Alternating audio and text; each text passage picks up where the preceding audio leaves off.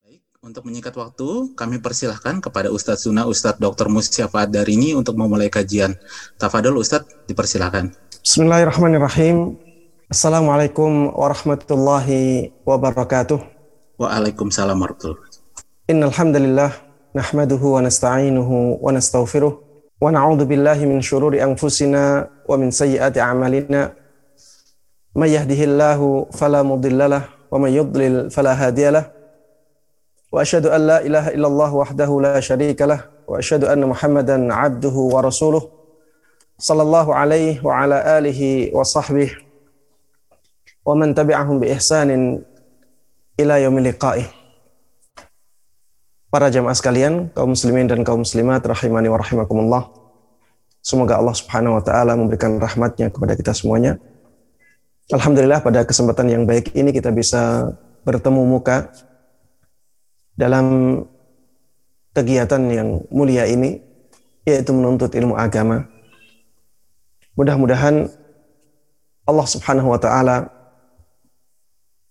memberikan kepada kita keikhlasan dalam melakukan amalan yang mulia ini sehingga Allah benar-benar memberikan pahala yang agung kepada kita dan Allah memberikan kepada kita ilmu yang bermanfaat dan berkah yang berpengaruh besar dalam kehidupan kita yang bisa menjadikan kita semuanya orang-orang yang mulia dan bahagia baik di dunia ini maupun di akhirat nanti. Salawat dan salam semoga selalu tercurahkan kepada Nabi yang sangat kita cintai. Tidak ada yang lebih kita cintai setelah Allah Subhanahu wa taala melebihi Nabi kita Muhammad sallallahu alaihi wasallam. Beliau juga harus kita taati. Harus kita percayai Mudah-mudahan salawat dan salam tersebut juga terlimpahkan kepada seluruh keluarga beliau, seluruh sahabat beliau, dan seluruh kaum muslimin yang mengikuti beliau dan para sahabatnya dengan baik hingga hari akhir nanti. Ikhwati wa akhwati fillah, saudara-saudariku yang semoga dimuliakan dan dirahmati oleh Allah Subhanahu wa taala. Pada kesempatan kali ini tema kita adalah tema yang lumayan berat ya. Syubhat syubhat kekinian.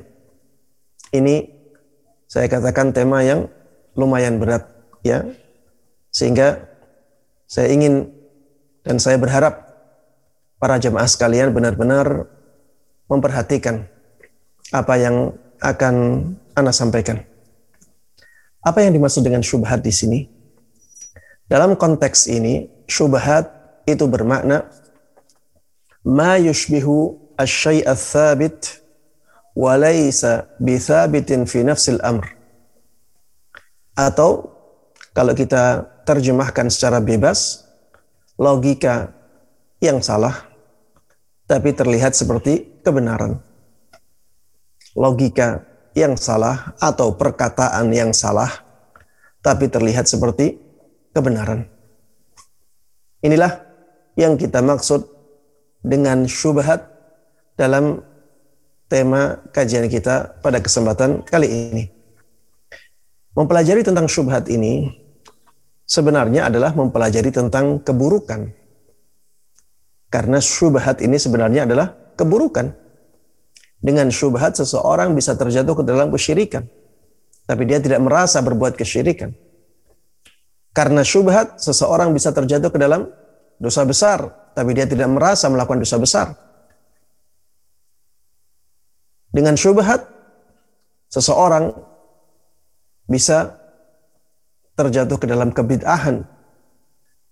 Tapi dia tidak merasa bahwa yang dilakukan itu adalah bid'ah yang sangat dibenci oleh Rasulullah Shallallahu Alaihi Wasallam. Karena syubhat, seseorang bisa terjatuh ke dalam kemaksiatan-kemaksiatan. Tapi dia tidak merasa melakukan kemaksiatan itu.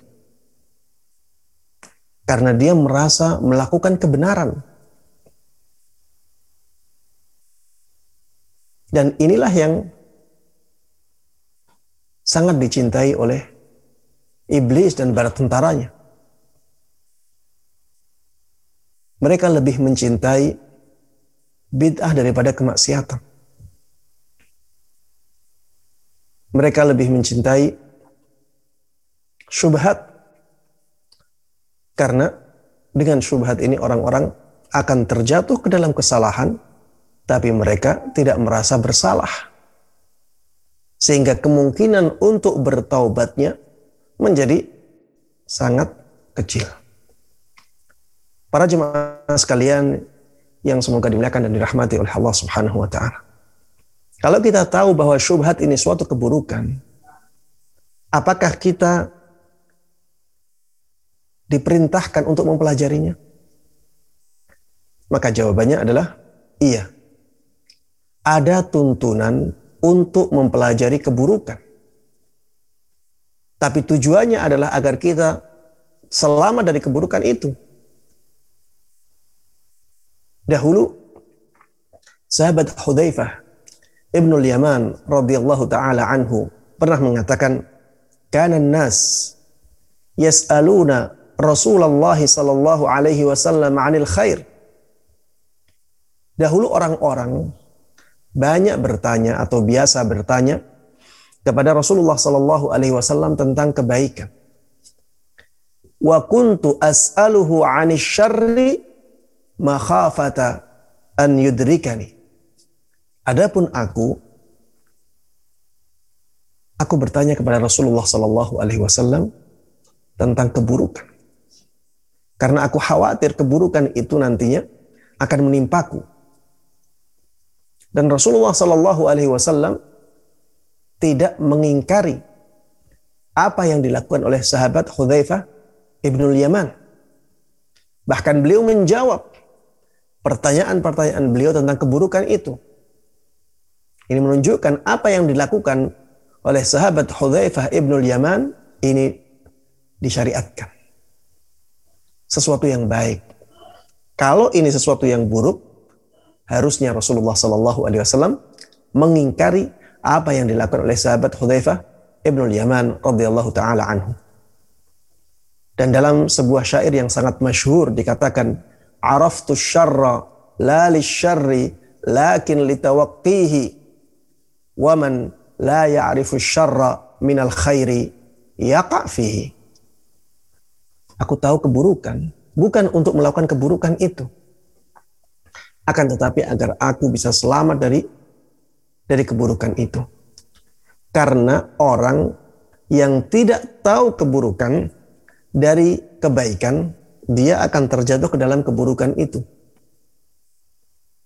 Kalau dia tidak bisa membedakan mana yang baik dan mana yang buruk karena ketidaktahuan dia tentang keburukan, maka suatu saat dia akan terjatuh ke dalam keburukan dalam keadaan dia tidak mengetahuinya. Maka para jemaah sekalian yang semoga dimuliakan dan dirahmati oleh Allah Subhanahu wa taala, mengetahui keburukan itu sesuatu yang dituntunkan asalkan tujuannya adalah agar kita selamat dari keburukan itu. Makanya kita disyariatkan untuk mengetahui bentuk-bentuk kesyirikan agar kita tidak terjatuh ke dalam kesyirikan. Kita disyariatkan untuk mengetahui bentuk-bentuk kebid'ahan agar kita tidak terjatuh ke dalam kebid'ahan. Kita diperintahkan untuk mengetahui bentuk-bentuk kemaksiatan agar kita tidak terjatuh ke dalam kemaksiatan itu. Kita disyariatkan untuk mengetahui syubhat-syubhat dan jawaban-jawabannya agar kita tidak termakan oleh syubhat-syubhat itu. Para jemaah sekalian yang semoga dimuliakan dan dirahmati oleh Allah Subhanahu wa taala. Ketika kita membahas masalah syubhat ini, yang kita bahas adalah perkataannya, bukan orangnya. Mohon difahami dengan baik. Yang kita bahas ketika membahas syubhat ini adalah perkataannya, bukan orangnya. Sehingga jangan difahami ketika kita membahas syubhat berarti kita mengejek orang yang mengatakannya. Kita merendahkan orang yang mengatakannya. Kita berasumsi buruk kepada orang yang mengatakannya. Kita menuduh bahwa niatnya adalah niat yang buruk. Ya, jangan sampai difahami seperti ini. Yang kita bahas syubhatnya, bukan orang yang mengatakan syubhat itu atau menyebarkannya. Karena orang yang mengatakan syubhat, orang yang menyebarkan syubhat, ada yang memang tujuannya buruk. Tapi ada ada yang karena ketidaktahuan dia. Kita tidak masuk ke dalam ranah ini. Kita hanya menjelaskan bahwa ini syubhat. Jawabannya seperti ini. Dan yang terakhir yang ingin Anda sampaikan sebelum masuk ke syubhat-syubhat yang akan kita bahas pada kesempatan kali ini, berhati-hatilah dengan syubhat. Saya berpesan kepada seluruh kaum muslimin dan kaum muslimat. Berhati-hatilah dengan syubhat. Jangan merasa kita sudah kuat pemahamannya. Kita sudah dalam ilmunya, kemudian kita bermudah-mudahan untuk mencari-cari syubhat. Ya. Jangan berharap bertemu dengan lawan, bertemu dengan musuh. Tapi kalau ketemu musuh, maka hadapi dengan berani ya. Hadapi dengan kekuatan yang kita miliki. Masalah syubhat juga demikian. Jangan mencari-cari syubhat. Kalau datang syubhat maka kita hadapi syubhat itu dengan baik. Kita jawab. Kalau kita tidak tahu jawabannya kita cari tahu jawabannya dari para ustadz-ustadz yang sudah mumpuni ilmunya Demikian para jamaah sekalian yang semoga dimuliakan dan dirahmati oleh Allah Subhanahu wa taala, mukaddimah yang bisa ana sampaikan tentang tema kajian kita yaitu syubhat-syubhat kekinian. Taib. Syubhat yang akan saya bahas di sini adalah syubhat-syubhat yang diajukan oleh pihak panitia agar bisa dijawab dengan baik. Ya. Saya memang menginginkan hal ini karena bisa saja karena biasanya ya panitia lebih tahu tentang syubhat yang lebih penting untuk dijawab daripada daripada ustadznya. Ya karena biasanya ustadz ya menganggap syubhat itu sesuatu yang sesuatu yang biasa. Tapi bisa jadi orang-orang awam ya para jamaah kajian melihat itu syubhat yang sangat kuat. Makanya saya punya inisiatif untuk mengambil syubhat-syubhat yang diajukan untuk bisa ana jawab. Baik, para jemaah sekalian yang semoga dimuliakan dan dirahmati oleh Allah Subhanahu wa taala, syubhat yang pertama adalah syubhat yang sangat masyhur yang disebarkan oleh saudara-saudara kita sesama kaum muslimin tentang masalah memilih guru. Memilih guru agama. Mereka mengatakan tidak usah kita memilih-milih guru.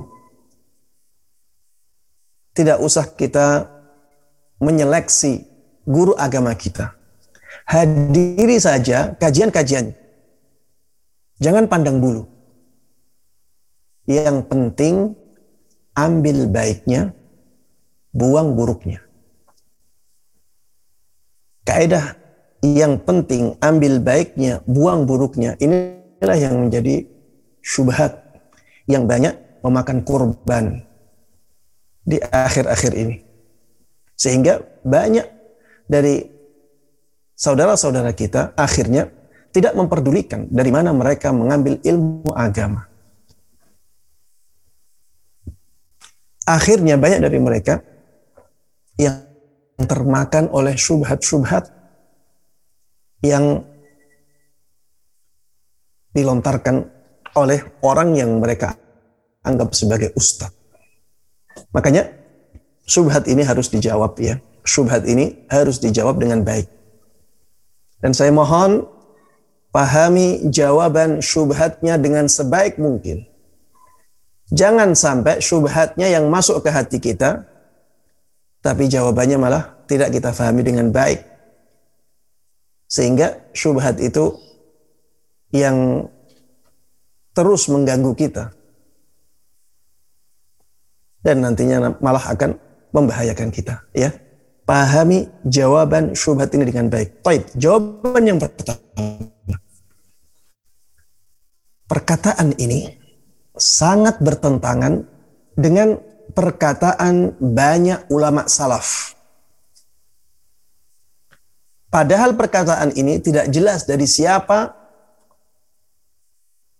orang yang mengatakannya dari dari mana sumbernya tidak jelas. Dan kita memiliki perkataan yang sangat jelas sumbernya dari banyak ulama salaf yang bertentangan dengan perkataan ini. Seperti misalnya perkataan imam besar dalam bidang hadis Ibnu Sirin rahimahullahu taala Beliau mengatakan inna hadzal ilma dinun fanzuru amman ta'khuduna dinakum. Sesungguhnya ilmu agama ini adalah agama kalian. Sesungguhnya ilmu agama ini adalah agama kalian. Maka lihatlah dari siapa kalian mengambil ilmu agama kalian. Lihatlah siapa ustadz kalian. Lihatlah siapa ulama-ulama yang kalian mengambil ilmu darinya. Lihatlah siapa kiai-kiai kalian. Lihatlah siapa rujukan ilmu kalian. Karena itu yang membangun agama kalian. Pengetahuan agama inilah yang membangun agama kita. Dan agama kita akan kita pertanggungjawabkan di hari akhir nanti maka lihatlah dari siapa kita kita mengambil ilmu agama ini. Baik, Imam Malik, imam yang sangat masyhur. Beliau juga seorang ahlu hadis, ahlul hadis, seorang ahlul fiqh. Dia beliau ahli hadis, beliau ahli fikih. Dan dulu beliau pernah hidup lama di Madinah. Sampai terkenal dengan julukannya Imamu Daril Hijrah. Imamnya negeri tempat hijrahnya Nabi kita Muhammad Sallallahu Alaihi Wasallam. Imam kota Madinah.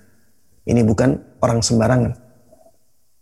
Dan beliau mengatakan, Inna hadzal ilma huwa lahmuka wa damuk sesungguhnya ilmu agama ini adalah darah dagingmu.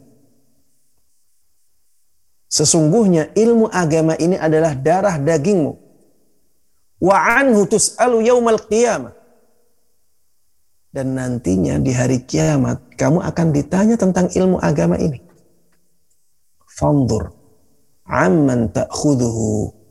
Maka lihatlah dari siapa engkau mengambilnya. Lihatlah dari siapa engkau mengambilnya. Intinya kita harus selektif dalam menuntut ilmu agama. Selektif dalam memilih guru ketika menuntut ilmu agama. Jangan sembarangan.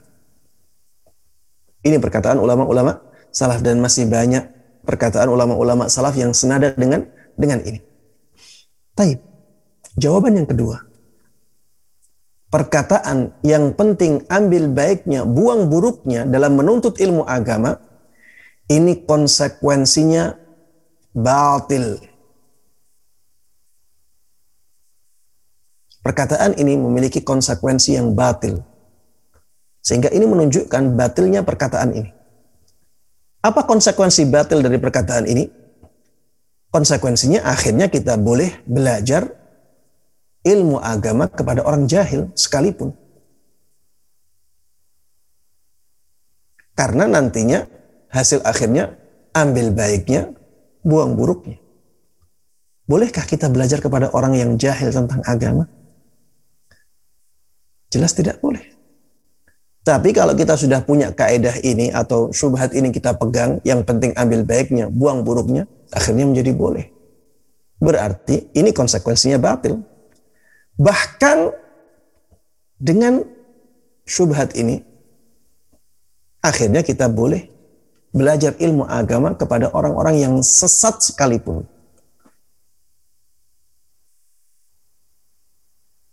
Siapa pun yang sesat dalam agama ini, ya tidak ada masalah. Yang penting ambil baiknya, buang buruknya. Apakah seperti ini baik? Tentunya ini sangat tidak selaras dan sangat bertentangan dengan dalil-dalil Al-Quran maupun dari sunnah Nabi Muhammad SAW maupun perkataan para ulama. Di dalam Al-Quran Allah katakan fas'alu ahla dzikri in kuntum la ta'lamun. Bertanyalah kepada ulama apabila kalian tidak mengetahui. Harus bertanya kepada ulama bukan kepada orang jahil. Apalagi kepada orang-orang yang sesat.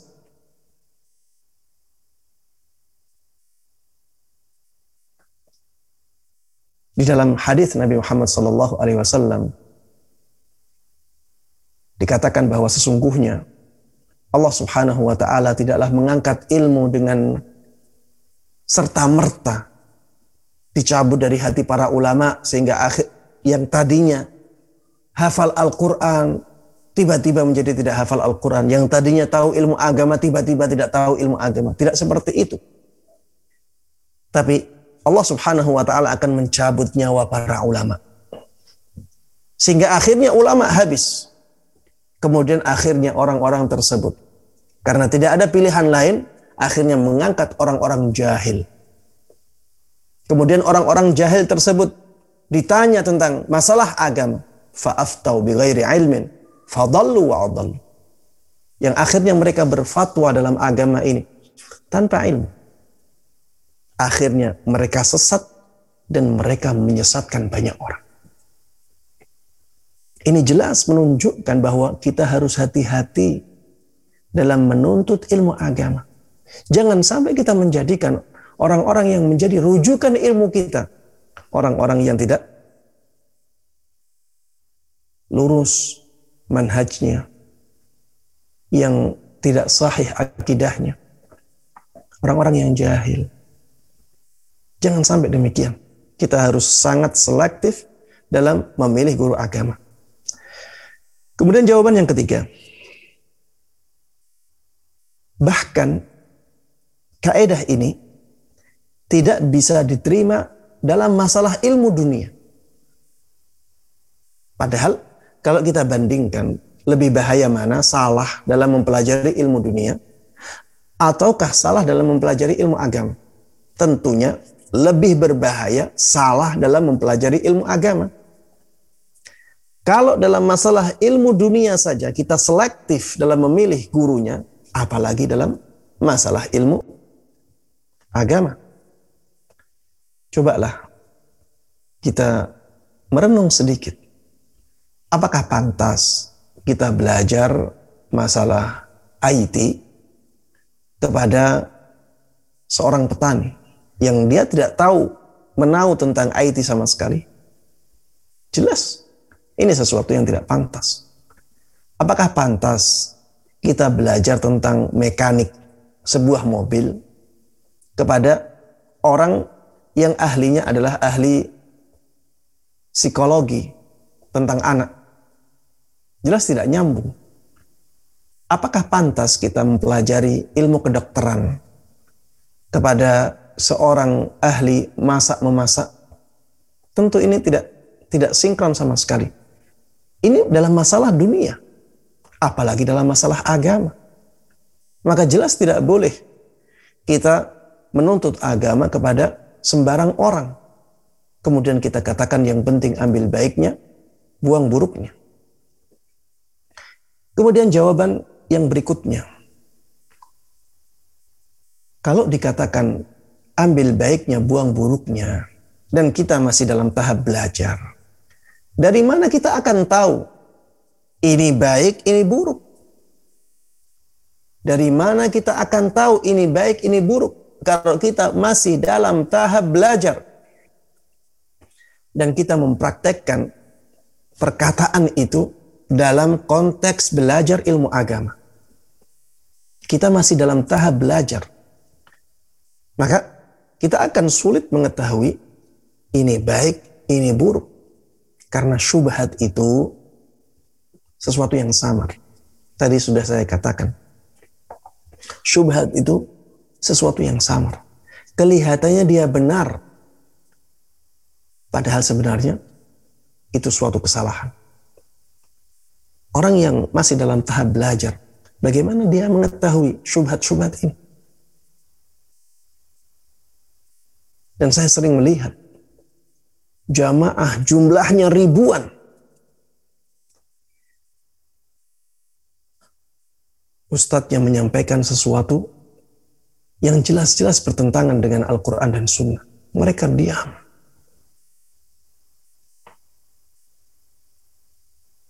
Ini jelas bukti yang sangat kuat bahwa syubhat itu sangat berbahaya. Dan sembarangan dalam memilih guru agama, ini akan memasukkan banyak syubhat dalam hati kita.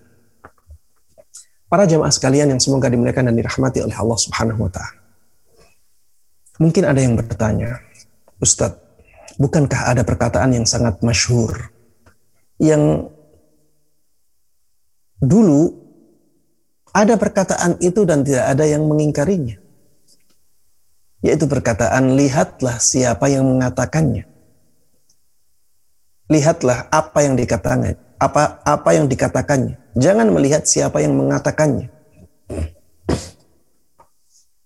Apa bedanya dengan ambil baiknya, buang buruknya? Bukankah ini sesuatu yang serasi? Maka saya katakan perkataan itu tempatnya bukan pada menuntut ilmu agama perkataan itu bisa kita terapkan pada masalah menerima kebenaran. Dan harus dibedakan antara masalah menerima kebenaran dengan menuntut ilmu agama. Menerima kebenaran dari seseorang, maka kita bebas. Yang penting yang dikatakannya benar. Bahkan orang kafir pun kalau perkataannya benar kita terima. Tidak ada masalah. Tapi bukan berarti kita boleh belajar ilmu agama kepada orang tersebut. Ini sesuatu yang sangat berbeda. Bedakan antara belajar ilmu agama atau menjadikan orang tertentu sebagai sumber ilmu agama kita, rujukan ilmu agama kita, dengan mengambil kebenaran dari orang lain. Ini sesuatu yang berbeda. Kalau menerima kebenaran dari orang lain, maka yang penting yang dia omongkan benar ya sudah. Tapi kalau menjadikan dia sebagai rujukan ilmu agama kita, maka ini memerlukan tambahan kriteria sebagaimana disebutkan oleh para ulama, ya. Kita harus menuntut ilmu agama dari orang yang ahli dalam bidangnya. Kita ingin menuntut ilmu agama tentang fikih, kita harus mencari orang yang ahli tentang fikih itu. Kita ingin mencari rujukan ilmu agama tentang akidah, kita harus mencari orang yang ahli dalam akidah itu. Dalam bidang hadis kita mencari orang yang ahli hadis, begitu seterusnya. Kemudian dalam masalah ilmu agama, kita harus mencari rujukan ilmu yang lurus akidahnya. Karena kalau tidak lurus akidahnya, nanti akan membahayakan akidah kita. Kemudian kriteria yang ketiga, yang ketiga, carilah rujukan ilmu agama yang memiliki ketakwaan. Semakin tinggi takwa seseorang, maka ilmu agama yang dia sebarkan kepada orang lain semakin besar keberkahannya. Karena dia dicintai oleh Allah Subhanahu wa taala, maka Allah akan menjadikan perkataannya menjadi semakin besar manfaatnya bagi kita. Inilah jawaban tentang syubhat yang pertama, ya. Syubhat yang pertama, ambil baiknya, buang buruknya ini syubhat yang sangat bertentangan dengan dalil-dalil dalam syariat dan sangat buruk konsekuensinya. Kita juga tidak tahu mana yang baik dan mana yang buruk ketika sedang dalam tahap belajar. Dan kaidah ini juga tidak bisa diterapkan dalam ilmu agama. Eh, tidak tidak bisa diterapkan dalam ilmu dunia, apalagi dalam masalah ilmu agama. Kemudian yang terakhir, kalau kita ingin menggunakan kaidah tersebut, gunakan untuk menerima kebenaran dari orang lain. Bukan dalam masalah menuntut ilmu agama atau menjadikan orang lain sebagai rujukan ilmu agama. Mudah-mudahan bisa difahami dengan dengan baik. Taib, kita beralih ke syubhat yang kedua. Syubhat yang kedua adalah syubhat yang mengatakan kita harusnya mengutamakan persatuan. Sehingga jangan bicarakan masalah perbedaan. Karena umat Islam ini harus bersatu agar tidak diremehkan oleh orang-orang kafir atau musuh-musuh Islam. Ini syubhat yang dilontarkan oleh sebagian kelompok kaum muslimin. Makanya kalau kita melihat dan mendengarkan apa yang dikatakan oleh mereka, apa yang dibahas oleh mereka, mereka membahas masalah-masalah yang sangat umum ya. Membahas tentang keutamaan-keutamaan amalan, ini sesuatu yang sangat umum, ya semua orang memahami bahwa misalnya amar ma'ruf nahi mungkar itu punya keutamaan yang sangat tinggi. Sholat itu punya keutamaan yang sangat tinggi. Wudhu punya keutamaan yang sangat tinggi. Sedekah punya keutamaan yang sangat tinggi. Tawadu punya keutamaan yang sangat tinggi. Yang mereka bicarakan masalah-masalah yang seperti itu. Dan semua orang akan menyetujui pembahasan-pembahasan masalah yang seperti itu. Tapi efeknya apa? Efeknya karena mereka mengambil kaedah ini, akhirnya penganut-penganut mereka terus dalam kejahilan. Ada pembahasan tentang fikih, tidak mereka kaji. Ada pembahasan tentang tauhid, tidak mereka kaji. Ada pembahasan tentang masalah-masalah lain yang diperselisihkan oleh para ulama tidak mereka kaji. Akhirnya mereka selalu dalam kebodohan. Walaupun sudah seperti itu, pertikaian tetap mereka alami. Kalau tidak salah tahun kemarin ya ada pertikaian, perkelahian di antara mereka. Padahal setiap hari yang mereka ajarkan adalah masalah keutamaan amalan-amalan. Fadilah amal, fadailul amal. Mereka ingin kelompoknya bersatu. Tapi ternyata mereka terjatuh ke dalam pertikaian juga. Maka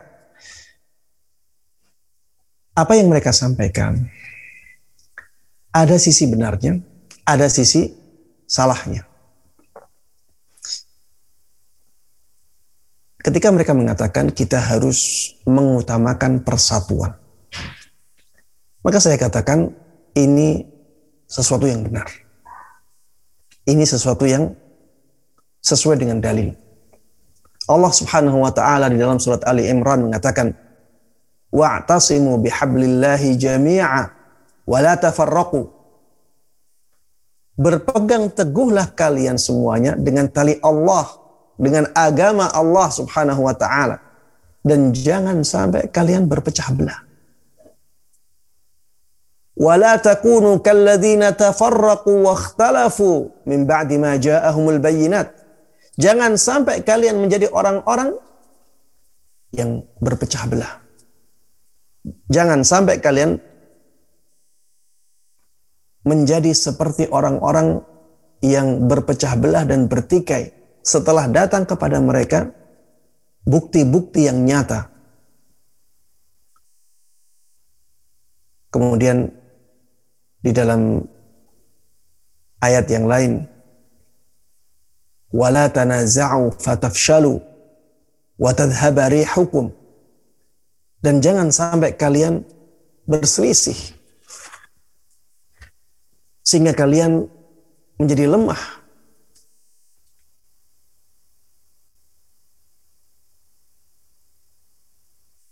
Di dalam ayat lain disebutkan wala takunu minal musyrikin minal ladzina farraqu dinahum. Jangan sampai kalian menjadi orang-orang yang melakukan kesyirikan. Yaitu orang-orang yang memecah belah agama mereka. Wa kanu syi'a dan mereka berkelompok-kelompok. Pembahasan masalah persatuan ini sesuatu yang sangat penting di dalam Islam. Kita harus mempertahankan persatuan kaum muslimin. Wa kunu ibadallahi ikhwana. Kata Rasulullah sallallahu alaihi wasallam, jadilah kalian hamba-hamba Allah yang saling bersaudara. Innamal mu'minuna ikhwah fa aslihu baina akhwaikum kata Allah Subhanahu wa taala sesungguhnya kaum mukminin itu saudara maka perbaikilah hubungan dua saudara kalian yang saling bertikai. Menjaga persatuan ini sesuatu yang sangat dianjurkan di dalam di dalam Islam. Tapi bukan berarti kita tidak membicarakan masalah-masalah yang diperselisihkan oleh para ulama. Di sini yang salah. Ya. Perkataan mereka kita harus kita harus mendahulukan persatuan, maka tidak usah kita membicarakan masalah-masalah yang diperselisihkan oleh para ulama. Ini yang salah. Yang kedua ini yang salah. Karena para ulama di zaman dahulu mereka sudah tahu tentang perintah-perintah untuk bersatu. Mereka sangat tahu itu. Tapi kenyataannya mereka membahas masalah-masalah yang diperselisihkan oleh para ulama. Silahkan lihat kitab-kitab yang ditulis oleh para ulama dari zaman dahulu. Silahkan melihat kitab-kitab akidahnya mereka. Mereka membahas secara detail masalah-masalah yang diperselisihkan oleh para ulama. Lihatlah kitab-kitab yang mereka tulis dalam masalah fikih. Mereka juga membahas secara detail masalah-masalah yang diperselisihkan oleh para ulama. Makanya ketika kita ingin bersatu, ketika kita ingin menjaga persatuan, bukan berarti kita menjauhi mempelajari masalah-masalah yang diperselisihkan oleh para ulama. Yang harusnya kita lakukan adalah memberikan pemahaman kepada kaum muslimin bagaimana sebaiknya kita menyikapi permasalahan-permasalahan yang diperselisihkan oleh para ulama ini dengan baik. Kalau masyarakat sudah faham bagaimana menyikapi perselisihan dengan baik, maka mereka jelas akan tetap menjaga persatuan. Makanya orang yang paling sedikit mempermasalahkan perbedaan-perbedaan yang terjadi di kalangan para ulama adalah orang yang berilmu. Saya ulangi. Orang yang paling toleran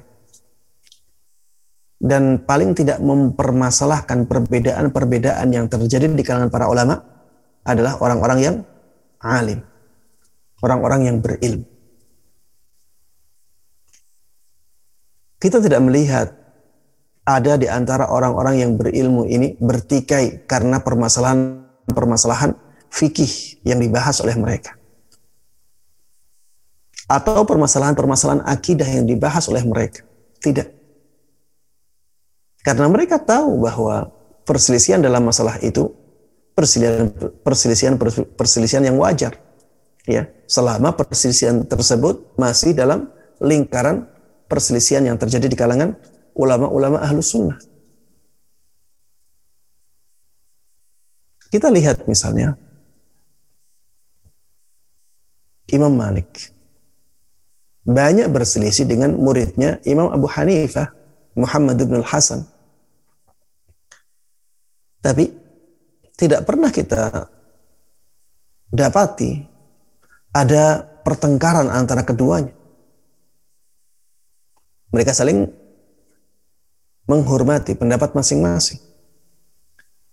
Kita lihat Imam Malik banyak berselisih juga dengan Imam Syafi'i yang muridnya. Imam Syafi'i banyak menyelisih gurunya, Imam Malik. Tapi tidak pernah sekalipun kita mendapati ada pertikaian, ada peperangan, ada kericuhan antara Imam Syafi'i rahimahullah taala dengan Imam Malik. Karena mereka sama-sama orang yang berilmu, memahami bagaimana berbeda pendapat dengan baik. Imam Ahmad dengan Imam Syafi'i juga banyak berselisih dalam masalah-masalah fikih. Mereka juga membahasnya. Tapi tidak menjadikan mereka bertikai, berpecah belah, tidak. Seharusnya seperti itulah kita menjadikan perbedaan pendapat. Seharusnya seperti itulah kita menyikapi perbedaan pendapat yang terjadi di kalangan para ulama kita pelajari dengan baik. Kita pelajari dalil-dalilnya. Yang kita lihat dalilnya lebih kuat, kita ambil. Tapi kita tidak meremehkan, tidak merendahkan pendapat lain. Para jemaah sekalian yang semoga dimuliakan dan dirahmati oleh Allah Subhanahu wa taala. Ketika ada pertikaian uh, afwan, ketika ada perbedaan pendapat di kalangan para ulama, Bagaimana kita menyikapi dengan baik? Taib. Kalau kita orang awam, kalau kita sebagai orang awam, maka lebih baik kita diam. Terhadap perbedaan pendapat yang terjadi di kalangan para ulama. Karena kita tidak punya ilmu sama sekali di sana. Lebih baik kita diam. Apa yang menjadi kewajiban orang awam? yang menjadi kewajiban orang awam adalah bertanya kepada ahli ilmu. Fas'alu ahla dzikri in kuntum la ta'lamun. Bertanyalah kalian kepada ahli ilmu apabila kalian tidak tahu. Ini bagi mereka yang tidak tahu. Sudah, bertanyalah kepada ahli ilmu yang kita lihat ilmunya paling tinggi misalnya. Dia paling kompeten dalam ilmu itu sudah bertanya. Kalau sudah dijawab, jalankan. Ini kalau kita orang awam dalam agama. Saya katakan orang awam dalam agama karena apa? Karena ada orang yang titelnya doktor, tapi doktornya doktor dunia. Dia masalah agama masih awam. Ada yang seperti itu, ya. Ada yang memang dalam masalah dunia dia tidak punya titel, dalam masalah agama juga masih awam. Ya. Yang penting kalau kita awam dalam masalah agama, bertanyalah kepada ahli ilmu. Kepada orang yang kita lihat ilmunya mumpuni. Kemudian lakukan. Tidak usah kita berpikir bagaimana orang lain mengamalkan. Sudah nantinya ketika di hadapan Allah Subhanahu wa taala kita, kita ditanya, Kenapa engkau melakukannya seperti ini? Maka jawablah, saya sebagai orang awam, saya sudah bertanya, dan saya lakukan agam, saya lakukan amalan itu sesuai dengan jawaban orang yang saya anggap dia ahli tentang ilmu agama. Kemudian yang kedua, kalau misalnya kita orang yang bisa memahami dalil dengan baik, kita bukan orang awam. Maka yang harusnya kita lakukan adalah mengembalikan perbedaan pendapat tersebut kepada kitabullah dan sunnah Rasulullah sallallahu alaihi wasallam. Fa in tanaza'tum fi syai'in farudduhu ila Allah war Rasul in kuntum tu'minuna billahi wal yaumil akhir. Kata Allah Subhanahu wa taala dalam surat An-Nisa, apabila kalian berselisih pendapat dalam masalah apa pun, farudduhu ilallah. Maka kembalikanlah hal tersebut kepada Allah. Maksudnya kepada kitabullah, kepada Al-Quran. War Rasul. Dan kembalikan kepada Rasul. Maksudnya adalah kepada hadis beliau, sunnah beliau. In kuntum tu'minuna billahi wal yaumil akhir. Apabila kalian benar-benar beriman kepada Allah dan hari akhir. Inilah sikap seorang mukmin yang mengetahui atau bisa memahami dalil dengan baik. Jangan fanatik. Tidak ada yang maksum kecuali para ambiyah. Jangan fanatik kepada siapa pun ustadznya. Kita sudah selektif dalam memilih ustadz, kita tetap tidak boleh fanatik. Karena kefanatikan ini juga merupakan musibah yang besar dalam agama Islam. Jangan fanatik. Sepintar apa pun ustadz, dia manusia. Dia bisa dipengaruhi oleh lingkungan. Dia juga ada kekurangannya. Dia bisa lupa dalil. Maka lihatlah dalilnya kalau kita mampu melihat dalil. Dan pilih pendapat yang menurut kita dalilnya lebih kuat. Dan ini relatif. Bisa jadi orang lain melihat dalil A lebih kuat, padahal kita melihat dalil B yang lebih kuat. Lakukan dan praktekkan sesuai dengan yang kita yakini.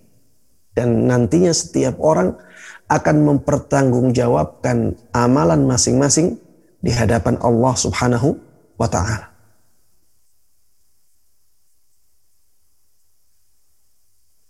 Dan perpecahan, perbedaan pendapat, perselisihan itu sunnatullah.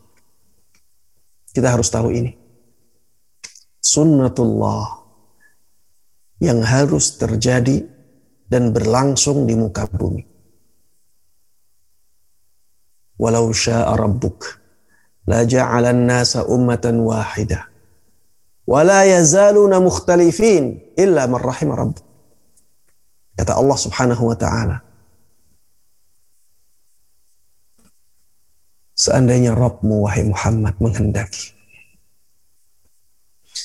maka dia akan menjadikan manusia menjadi satu tidak berselisih sedikit pun Sebagaimana Allah mampu menjadikan para malaikatnya bersatu. Dan jumlah malaikat jauh lebih banyak daripada jumlah manusia. Seandainya Rabbmu wahai Muhammad menghendaki, maka dia benar-benar akan menjadikan manusia itu satu.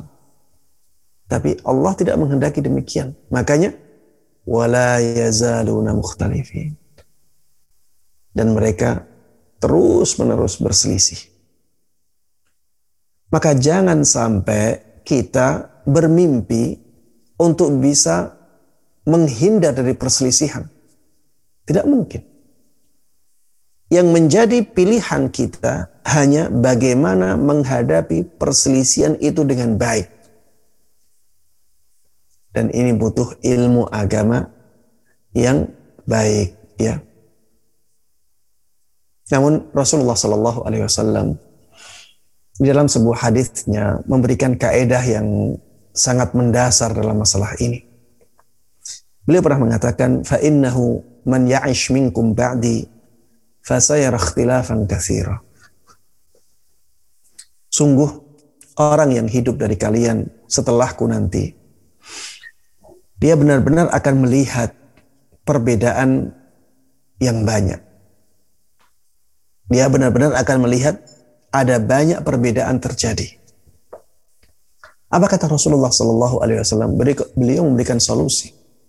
Fa'alaikum bisunnati wa sunnatil khulafa'ir rasyidin al-mahdiyyin min ba'di. Tamassaku biha wa 'addu 'alaiha bin nawajidh Wa iyyakum wa umur. Kata beliau, berpegang teguhlah terus dengan sunnahku, dengan tuntunanku. Dan juga sunnahnya para khulafaur rasyidin. Tuntunannya para khulafaur rasyidin. Tamassaku biha. Berpegang teguhlah kalian dengan sunnah-sunnah tersebut. Wa'abdu alaiha bin nawajid. Gigitlah sunnah-sunnah tersebut dengan gigi-gigi geraham kalian wa iyyakum wa muhdatsatil umur.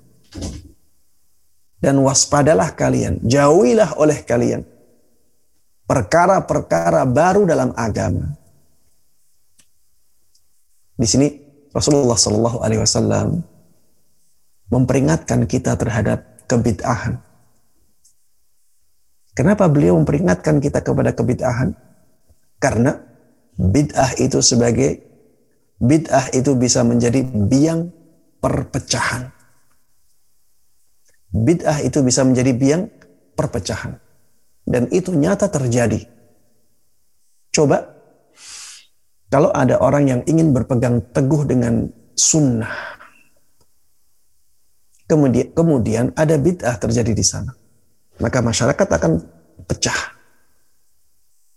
Yang satu ingin menghidupkan bid'ahnya, yang satu ingin berpegang teguh dengan sunnah. Yang memecah itu siapa? Bid'ahnya. Karena yang berpegang teguh dengan sunnah, dia sudah berpegang, dia berpegang teguh dengan sesuatu yang asli. Sedangkan bid'ah ini sesuatu yang baru. Berarti yang membuat perpecahan adalah bid'ah. Makanya Rasulullah Sallallahu Alaihi Wasallam mengatakan demikian. Wa iyyakum wa muhdatsatil umur. Jauhilah oleh kalian perkara-perkara baru dalam dalam agama. Baik, inilah di antara pedoman-pedoman yang sangat mendasar ya ketika kita menghadapi perbedaan pendapat. Ya. Kalau kita orang awam, fas'alu ahla dzikri in kuntum la ta'lam. Bertanyalah kepada ahli ilmu apabila kalian tidak tahu. Kalau kita tahu dalil bisa memahami dengan baik, kembalikan kepada Al-Quran dan Sunnah. Jangan fanatik kepada siapa pun. Kemudian berpegang teguhlah dengan sunnah Nabi Muhammad Sallallahu Alaihi Wasallam dan sunnahnya para khulafaur rasyidin dan jauhi bid'ah. Waspadai amalan-amalan yang baru dalam dalam agama karena itu akan menjadikan perpecahan di tubuh kaum muslimin. Sehingga ya kita tetap berusaha menyatukan umat berusaha menyatukan umat. Kita harus punya semangat untuk bersatu. Tapi bukan berarti kita tidak mempelajari masalah-masalah yang diperselisihkan oleh para ulama dengan alasan kita takut nanti umat terpecah belah. Tidak. Kita pelajari masalah-masalah tersebut dan kita fahamkan umat bahwa ini adalah perbedaan pendapat di kalangan para ulama. Kita harus memilih mana yang menurut kita lebih kuat dalilnya dan kita toleran terhadap pendapat lain selama pendapat tersebut berdasarkan dalil. Ya berbeda kalau pendapat yang lain tersebut menyelisihi ijma para ulama misalnya atau menyelisihi dengan sangat jelas apa yang disebutkan di dalam Al-Qur'an maupun sunnah Nabi Muhammad sallallahu alaihi wasallam. Atau misalnya pendapat tersebut menjadikan seseorang keluar dari Islam, maka kita harus tegas dalam menyingkapinya. Baik. Ini jawaban terhadap syubhat yang kedua. Baik. Kita beralih atau berpindah ke syubhat yang ketiga. Syubhat yang ketiga mengatakan jangan mudah membid'ah-bid'ahkan orang atau mengkafir-kafirkan orang. Jangan mudah membid'ah-bid'ahkan orang atau mengkafir-kafirkan orang. Taib. Ini biasanya dikatakan oleh sebagian orang kepada mereka yang berpegang teguh kepada sunnah Nabi Muhammad Wasallam. Karena banyak orang-orang yang berpegang teguh dengan sunnah Nabi Muhammad Sallallahu Alaihi Wasallam menjelaskan tentang bid'ah, menjelaskan, tentang masalah-masalah yang bisa membahayakan keislaman seseorang.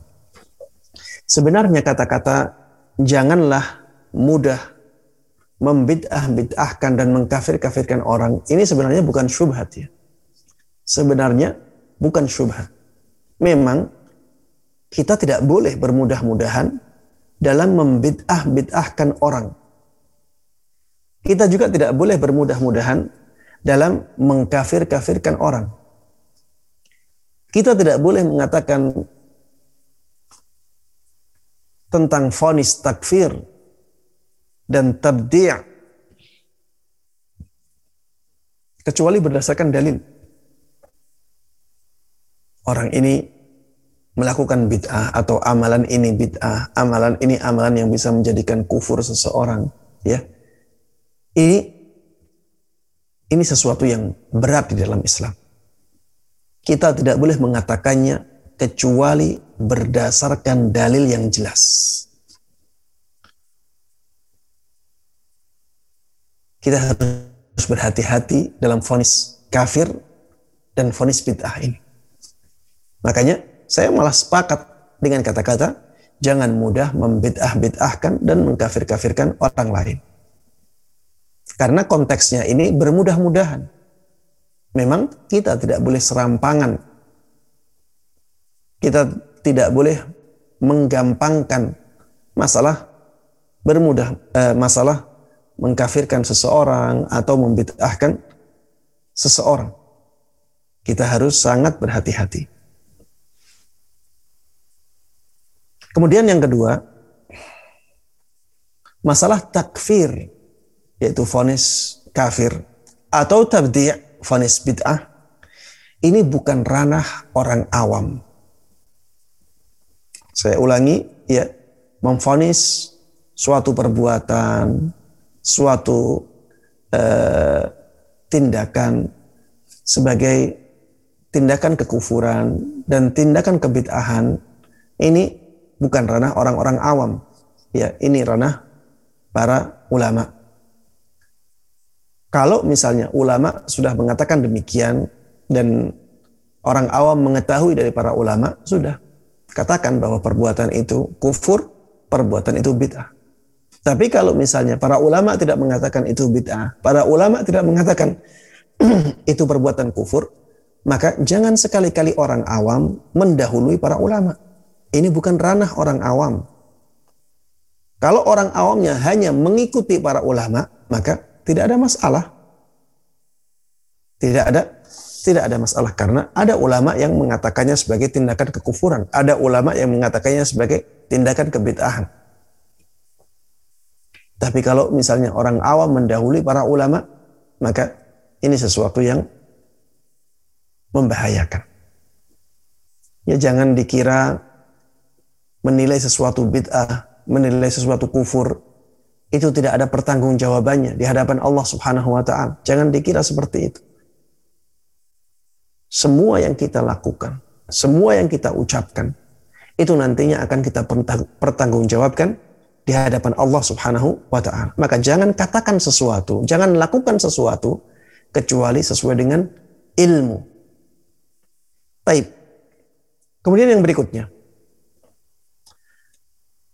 Ketika kita memfonis kafir atau memfonis bid'ah terhadap pelakunya. Maka di sini harus terpenuhi syarat-syaratnya. Dan tidak ada penghalang yang menghalangi vonis kafir dan vonis bid'ah itu. Saya ulangi, ketika kita memfonis orang lain, dia kufur atau dia mubtadi seorang ahli bid'ah, maka ini harus lebih hati-hati lagi. Syarat-syaratnya harus terpenuhi. Penghalang-penghalangnya harus tidak ada. Karena bisa jadi orang tersebut orang yang tidak tahu. Maka syarat syarat yang menjadi tidak terpenuhi ada penghalang. Dia tidak tahu, dia jahil. Atau misalnya dia kalah dengan hawa nafsunya. Dia tahu kalau itu perbuatan kufur, dia lakukan. Dia tahu itu perbuatan bid'ah, dia lakukan. Tapi dia melakukannya karena ingin dapat uang. Dia merasa bersalah. Dia ingin mendapatkan uang. Ini bisa menjadikan orangnya kafir, bisa menjadikan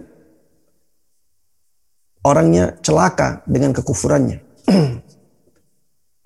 Tapi bisa jadi tidak. Bisa jadi tidak.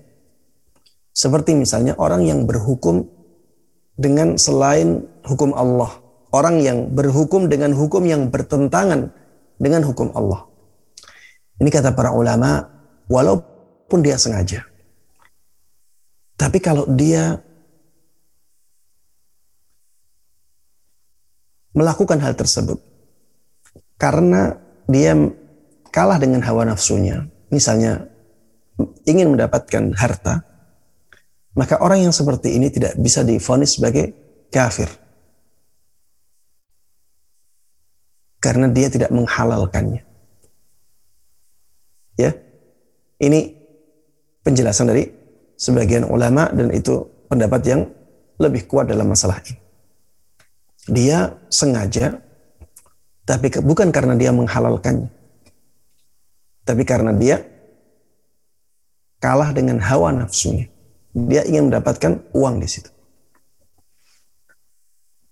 Berbeda apabila keadaannya dia misalnya melakukan kekufuran yang memang benar-benar kufur. Seperti misalnya dia ingin mendapatkan uang dengan berpindah agama.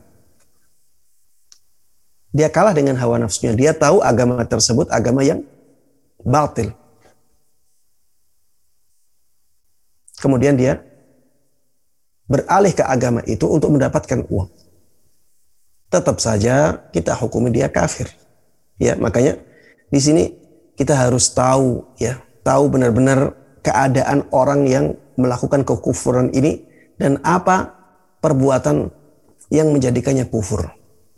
Makanya saya katakan tadi ranah fonis kafir dan fonis bid'ah ini untuk orang-orang yang ilmu agamanya tinggi. Adapun orang awam, maka sebaiknya kita tidak masuk dalam ranah ini. Dan saya katakan salah dalam uh, fonis kafir dan bid'ah ini sangat berbahaya sekali. Kita akan mempertanggungjawabkannya sampai di akhirat nanti. Maka lebih baik kita diam. Lebih baik kita diam daripada kita mengucapkan kata-kata yang nantinya akan menjadi bumerang bagi kita di akhirat nanti. Baik. Setelah kita tahu bahwa masalah fonis kafir dan fonis bid'ah ini sangat berbahaya, kita juga harus tahu bahwa di sana ada perbedaan antara memfonis perbuatan dengan memfonis pelaku. Memfonis perbuatan lebih mudah daripada memfonis pelakunya. Ya, memfonis perbuatan itu lebih mudah daripada memfonis pelakunya dan ini harus dibedakan. Kalau kita tidak membedakan, maka kita akan melihat orang-orang itu mudah membid'ah-bid'ahkan dan mudah mengkafir-kafirkan padahal sebenarnya tidak demikian. Dia sedang menjelaskan perbuatannya, bukan sedang menjelaskan pelakunya. Dan bisa jadi seseorang melakukan kekufuran tapi dia tidak kafir. Sebaliknya juga demikian. Bisa jadi seseorang tidak terlihat melakukan kekufuran padahal dia kafir. Ini makanya ya masalah fonis ini masalah yang berat, ya, membutuhkan ilmu. Kalau memfonis perbuatan itu lebih mudah, ya. Yang penting ada dalilnya. Yang penting ada dalilnya. Seperti misalnya berhukum dengan hukum yang bertentangan dengan hukum Allah itu bentuk kekufuran, itu amalan kekufuran. Ada dalilnya? Iya. Wa man lam yahkum bima anzalallah faulaika humul kafirun. Barang siapa yang berhukum dengan hukum-hukum yang bertentangan dengan hukum Allah, maka mereka itulah orang-orang yang kafir. Jelas ya? Berarti berhukum dengan hukum yang bertentangan dengan hukum Allah itu amalan kekufuran. Ini fonis terhadap perbuatannya. Bukan fonis kepada orangnya. Kalau kita memfonis orang tertentu, ini kufur karena dia berhukum dengan hukum yang bertentangan dengan hukum Allah, dia keluar dari Islamnya, maka ini membutuhkan syarat yang banyak. Dan harus tidak ada penghalangnya. Syaratnya dia harus tahu. Di antara syaratnya dia tidak dipaksa. Ya. Kalau ada paksaan, ya, maka ada penghalang untuk memfonisnya kafir. Kalau misalnya dia tidak tahu, ada penghalang untuk memfonis kafir terhadap dia. Kalau misalnya dia tahu itu salah, tapi dia tetap lakukan karena ingin uang, atau ingin mempertahankan jabatan, ya. Tapi dia tahu itu salah. Ini juga di sini ada penghalang untuk mengeluarkan dia dari keislaman. Tapi dia tetap melakukan kufur, tapi kufurnya kufur asgar. Berbeda kalau dia dari awal memang menghalalkan hukum tersebut. Dia melihat bahwa ini lebih baik daripada hukum Allah Subhanahu wa taala yang dia selisihi. Kalau seperti itu jelas ya, dia terjatuh ke dalam kekufuran. Ya. Para jemaah sekalian yang semoga dimuliakan dan dirahmati oleh Allah Subhanahu wa taala. Kita harus berhati-hati dalam masalah membid'ah-bid'ahkan orang lain dan mengkafir-kafirkan orang lain. Tapi bukan berarti ya kita tidak boleh sama sekali, ya. Ada orang-orang yang memang pantas untuk memfonis orang lain kafir. Untuk menilai orang lain bid'ah, yaitu para ulama yang telah mendalam ilmunya. Adapun orang-orang yang awam, maka ya saya nasihatkan untuk tidak masuk dalam ranah ini. Taib, inilah uh, jawaban dari syubhat yang ketiga. Taib. Syubhat yang keempat dan kelihatannya waktunya sudah sangat sempit ya. Namun saya ingin e, membahas syubhat ini karena syubhat ini juga syubhat yang di akhir-akhir ini banyak dilontarkan oleh saudara-saudara kita. Mereka mengatakan tidak tidak perlu kita mengetahui atau memperdebatkan keberadaan Allah di mana. Yang penting beriman terhadap Allah tidak penting dan tidak perlu kita mengetahui atau memperdebatkan keberadaan Allah di mana. Yang penting kita beriman kepada Allah Subhanahu wa taala. Jawabannya para jemaah sekalian, beriman kepada Allah itu penting. Beriman kepada Allah itu penting. Itu salah satu di antara rukun iman. Begitu pula mengetahui keberadaan Allah itu juga penting. Ya. Ketika dikatakan beriman kepada Allah itu penting, bukan berarti mengetahui keberadaan Allah menjadi tidak penting. Karena mengetahui keberadaan Allah di mana itu bagian dari beriman kepada Allah Subhanahu wa taala. Dan ini sangat penting sekali ini sangat penting sekali. Kenapa demikian? Karena Allah Subhanahu wa taala menjelaskannya di dalam Al-Qur'an.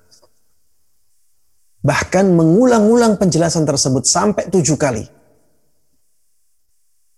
Allah di dalam Al-Quran mengatakan Ar-Rahmanu alal arshistawa. Bahwa Allah dat yang maha pengasih itu berada di atas arsy. Tayyib. Ini satu ayat di surat Taha ayat 5. Di enam ayat yang lain Allah mengatakan kata-kata yang hampir sama. Maknanya sama persis. Thummastawa alal arsh.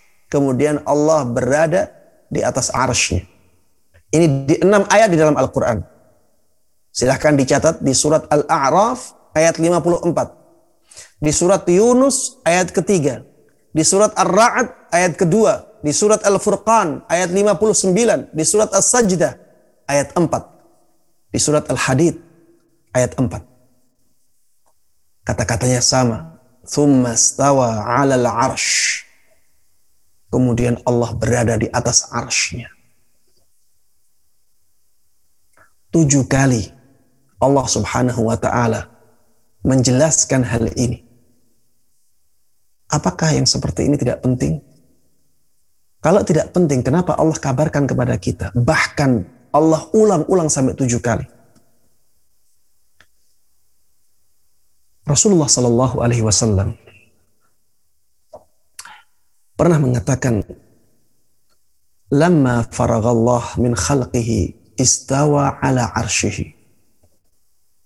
Ketika Allah Subhanahu wa taala selesai menciptakan makhluknya, maka Allah meninggi di atas arsy. Berarti Allah berada di atas arsy. Ini hadis disahihkan oleh Imam Az-Zahabi rahimahullahu taala. Bahkan Rasulullah Shallallahu alaihi wasallam menggantungkan keimanan seseorang kepada kepercayaan dia tentang keberadaan Allah Subhanahu wa taala di atas langit. Suatu ketika ada seorang budak wanita yang ingin dimerdekakan oleh salah seorang sahabat Nabi Muhammad Sallallahu Alaihi Wasallam. Maka Rasulullah Wasallam mengatakan kepada sahabatnya ini, bawa budak itu ke hadapanku. Dibawalah budak itu ke hadapan Rasulullah Wasallam. Kemudian Rasulullah mengatakan, Aina Allah. Di mana Allah? Budak tersebut mengatakan, Fis sama, yang artinya di atas langit. Kemudian Rasulullah Shallallahu Alaihi Wasallam bertanya lagi kepada budak ini, budak wanita, ya, man ana? Maka budak tersebut mengatakan, anta Rasulullah. Engkau adalah utusan Allah Subhanahu Wa Taala. Setelah menjawab dua pertanyaan ini, apa kata Rasulullah Shallallahu Alaihi Wasallam? A'tiqha fa silahkan merdekakan dia karena sesungguhnya dia benar-benar seorang wanita yang beriman. Coba lihat. Rasulullah Shallallahu Alaihi Wasallam bertanya kepada budak ini dengan pertanyaan di mana Allah? Di mana Allah? Kalau ini pertanyaan yang tidak penting, kenapa Rasulullah Shallallahu Alaihi Wasallam menanyakannya? Untuk membuktikan keimanan dia. Maka sangat tidak benar keyakinan bahwa mengetahui keberadaan Allah itu tidak penting. Sangat penting sekali. Ya. Karena itu bagian dari keimanan kita kepada Allah Subhanahu wa taala. Justru memperdebatkannya itu yang tidak penting. Memperdebatkan apa yang sudah ditetapkan oleh Allah Subhanahu wa taala untuk dirinya sendiri dan telah ditetapkan oleh Rasulullah sallallahu alaihi wasallam untuk Allah itu yang tidak penting. Jangan perdebatkan. Allah sudah katakan di dalam Al-Qur'an dalam tujuh ayat Rasulullah Shallallahu Alaihi Wasallam sudah katakan di dalam banyak hadisnya, bahkan para ulama salaf ijma mereka sepakat bahwa Allah itu berada di atas arsy, sepakat. Lalu, kenapa kita memperdebatkannya? Kenapa kita tidak menerimanya dengan apa adanya? Para ulama salaf telah berijma Imam Abdul Hasan Al-Ash'ari. Beliau menukil ijma dalam masalah ini. Bahwa Allah subhanahu wa ta'ala berada di atas arasnya. Para ulama sepakat. Imam Abdul Hasan Al-Ash'ari menukil kesepakatan dalam masalah ini. Maka sebenarnya bukan pengetahuan tentang keberadaan Allah yang tidak penting. Yang tidak penting sebenarnya adalah memperdebatkan apa yang sudah dikatakan oleh Allah Subhanahu wa taala dalam tujuh ayat di dalam Al-Qur'an dan memperdebatkan apa yang dikatakan oleh Rasulullah Sallallahu alaihi wasallam dalam banyak hadisnya kemudian memperdebatkan apa yang disepakati oleh para ulama salaf. Ya. Kita sebagai orang yang lemah ilmunya, lemah akal pikirannya, kita sebagai makhluk Allah Subhanahu wa taala pantaskah kita memperdebatkan apa yang sudah dikatakan oleh Allah Subhanahu wa taala untuk dirinya sendiri? Kenapa kita perdebatkan kalau Allah Subhanahu wa taala berada di atas arasy berarti Allah lebih kecil dari arasnya berarti Allah butuh arasnya. Kenapa kita mengatakan seperti itu? Bukankah kita bisa mengatakan bahwa Allah itu lebih besar daripada arasnya? Bukankah kita bisa mengatakan bahwa Allah tidak butuh kepada arasnya? Walaupun Allah berada di atas arasnya? Bukankah kata-kata ini masih masuk akal? Kenapa mereka memperdebatkan seperti itu? Dari mana mereka tahu bahwa Allah tidak berada di atas arash ketika Allah sudah mengatakan Allah berada di atas arashnya? Kemudian kita, mereka memperdebatkan artinya istawa di situ adalah istaula. Ini dari mana kata-kata istawa bermakna istaula? Silahkan dirujuk ke kamus-kamus yang sangat otentik kamus-kamus yang sangat otentik di awal-awal Islam dulu tidak ada yang mengatakan istawa itu maknanya istaula. Ya, istawa itu berada di atas ala wartafa meninggi. Sedangkan istaula itu artinya menguasai. Subhanallah. Kalau istawa itu artinya istaula menguasai, harusnya ada penjelasan tentang itu dari Allah atau dari Rasulullah Sallallahu Alaihi Wasallam atau dari para sahabatnya. Tidak ada penjelasan seperti itu satupun dari Allah sendiri. Tidak juga dari Rasulullah, tidak juga dari para sahabatnya. Sama sekali. Padahal banyak sekali ayat tentang itu, banyak sekali hadis tentang itu. Tidak ada penjelasan bahwa istawa itu maknanya menguasai. Ini menunjukkan bahwa istawa itu artinya bukan istaula. Kenapa kalau maknanya istaula, Allah tidak memilih kata istaula saja dalam ayat itu. Kenapa yang dipilih kata-kata istawa? Yang maknanya dalam bahasa Arab jelas, ala wartafa. Berada di atas. Meninggi di atas sesuatu.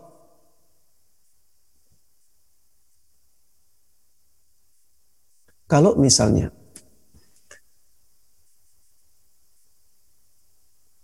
istawa diartikan menguasai. Ini kita menafikan makna hakiki yang ditetapkan oleh Allah dan Rasulnya untuk Allah Subhanahu wa Ta'ala. Tapi kalau kita katakan istawa itu artinya berada di atas arash, kita sama sekali tidak menafikan makna menguasai. Makanya akidah ahlus sunnah wal jamaah itu akidah yang sangat kokoh sekali dalilnya sangat kuat dan menyeluruh. Coba dalam masalah yang seperti ini. Ahlu sunnah wal jamaah menetapkan bahwa Allah berada di atas arashnya. Sekaligus mengatakan bahwa Allah itu menguasai arashnya. Ya, Allah menguasai arashnya dengan dalil-dalil yang lain. Dan Allah berada di atas arasnya dengan dalil-dalil yang khusus menjelaskan masalah itu. Ya, demikian yang bisa saya sampaikan dalam kesempatan kali ini. Ya, mudah-mudahan apa yang saya sampaikan bisa difahami dengan baik, bisa difahami dengan jelas, karena ini masalah syubhat, ya kita harus hati-hati dalam membahasnya. Sebenarnya masih ada tujuh syubhat yang lainnya yang belum saya bahas, tapi karena waktu yang singkat, saya lebih mengutamakan jawaban syubhat tersebut panjang dan bisa dimengerti dengan baik. Daripada saya menyebutkan banyak syubhat tapi nantinya jawaban syubhatnya tidak jelas atau kurang difahami dengan dengan baik. Ya demikian wallahu taala alam wa sallallahu wasallama wa baraka ala nabiyyina Muhammadin wa ala alihi wa sahbihi wa man tabi'ahum bi ihsanin ila yaumiddin. Alhamdulillahirabbil alamin. Baik, Alhamdulillah jazakallah khairan Ustadz atas pemaparan materinya yang bermanfaat. Uh, selanjutnya kita lanjutkan ke pertanyaan. Insya Allah akan kami bacakan yang ada di kolom chat. Yang pertama, uh, Ustadz, bagaimana kita bisa mengetahui bahwasanya suatu perkara itu merupakan perbedaan yang mutabar sehingga kita bisa lebih luas dalam bermasyarakat agar tidak terjadi pergolakan dan mana suatu perkara yang prinsipil sifatnya. Barakallahu fiq. Ustadz, silakan. Baik. Iya, para ulama rahimahumullahu jami'an mereka memang membedakan ada khilaf yang madmum, ada khilaf yang sa'ir ada perbedaan pendapat yang tercela, ada perbedaan pendapat yang dibolehkan. Ya. Ada perbedaan pendapat yang dibolehkan. Yang tidak tercela. Baik. Kalau kita sudah tahu perbedaan pendapat yang tercela, maka yang lainnya berarti bukan tercela. Baik. Sehingga kita harus mengetahui mana perbedaan pendapat yang tercela itu. Sehingga kalau tidak ada kriteria ini berarti perbedaan pendapat ini tidak masalah. Maksudnya boleh ditolerir. Harus ada toleransi. Kita tidak boleh terlalu ngegas ketika perbedaan tersebut perbedaan yang dibolehkan. Baik, di antara kriteria perbedaan yang tercela adalah ketika dia menyelisihi nas yang sangat jelas dalam Al-Quran dan Sunnah. Ya, ketika ada dalil dalam Al-Quran dan Sunnah yang sangat jelas, sangat tegas, dalam bahasa Arabnya itu sorih, tapi diselisih oleh dia. Ya, misalnya ketika Allah Subhanahu wa taala uh, memerintahkan kita untuk menjauhi khamr. Ya di dalam surat Al-Maidah Allah Subhanahu wa taala katakan, "Ya ayyuhalladzina amanu innamal khamru wal maisiru wal ansabu wal azlamu rijsun min amali syaitan fajtanibuh la'allakum tuflihun." Ya. Katakan di situ di antaranya adalah khamr. Khamr ini termasuk di antara perbuatan syaitan ya. Fajtanibuh maka jauhilah. Jauhilah khamr itu. Ada kata-kata tegas fajtanibuh jauhilah khamr itu. Kemudian di dalam hadis Nabi Muhammad sallallahu alaihi wasallam kullu muskirin khamrun wa kullu khamrin haram. Semua yang memabukkan itu dinamakan khamr dan semua khamar itu haram. Jelas ada kata-kata haram di situ. Kalau misalnya di zaman ini ada orang yang menghalalkannya, maka perbedaan ya ya pendapatnya itu adalah pendapat yang tercela. Perbedaan pendapat dalam masalah ini perbedaan pendapat yang tercela. Kenapa? Karena menyelisih dalil dari Al-Quran dan Sunnah yang sarih Ya, sarih itu tegas dan jelas. Tidak ada kemungkinan lain. Hanya satu kemungkinan yaitu haramnya khamr. Haramnya semua yang memabukkan. Ini yang pertama. Kriteria yang kedua, ketika sebuah pendapat menyelisih ijma para ulama ketika sebuah pendapat menyelisih ijma para ulama. Kalau misalnya sudah ada nukilan ijma yang sangat jelas dalam suatu masalah, kemudian diselisih oleh orang-orang di zaman ini, maka perselisihan dalam masalah ini tercela. Saya contohkan misalnya, para ulama itu sepakat bahwa agama Islam yang benar yang bisa mengantarkan seseorang ke surga setelah diutusnya Rasulullah Sallallahu Alaihi Wasallam adalah agama Islam yang dibawa oleh beliau saja. Ulama sepakat dalam masalah ini. Baik ulama akidah, ulama fikih, tidak ada perbedaan sedikit pun. Makanya di zaman ini, apabila ada orang mengatakan yang penting akhlaknya baik. Yang penting apa? Akhlaknya baik. Kalaupun dia beragama non-muslim, beragama di luar agama Islam, tidak ada masalah dan dia akan masuk surga karena dia melakukan kebaikan. Ini pendapat yang jelas-jelas menyelisih ijma para ulama. Tidak ada ulama di zaman dulu yang mengatakan demikian. Dan tidak mungkin ulama di zaman dahulu salah semuanya, kemudian dia yang benar. Tidak mungkin. Ini kemungkinannya 0%.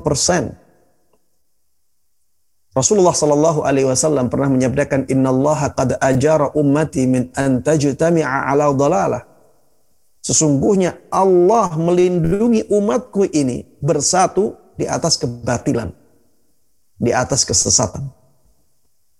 Kalau umat ini sudah bersatu, sudah bersepakat dalam suatu pendapat, maka pendapat itu pasti yang benar. Tidak ada kemungkinan lain.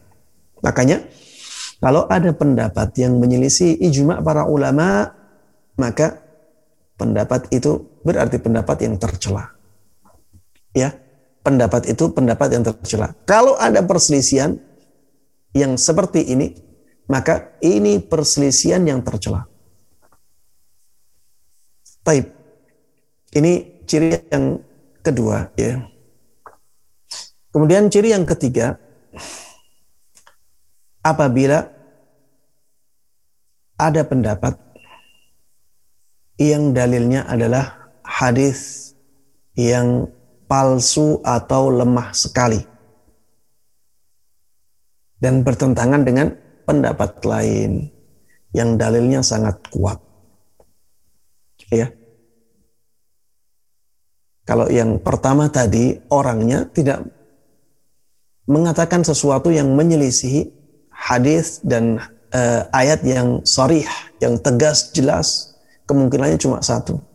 Dia tidak menyebutkan hadis, dia tidak menyebutkan yang lain. Kalau yang ini ada hadisnya, tapi hadisnya palsu atau hadisnya lemah sekali. Dan yang diselisihi itu dalilnya kuat sekali.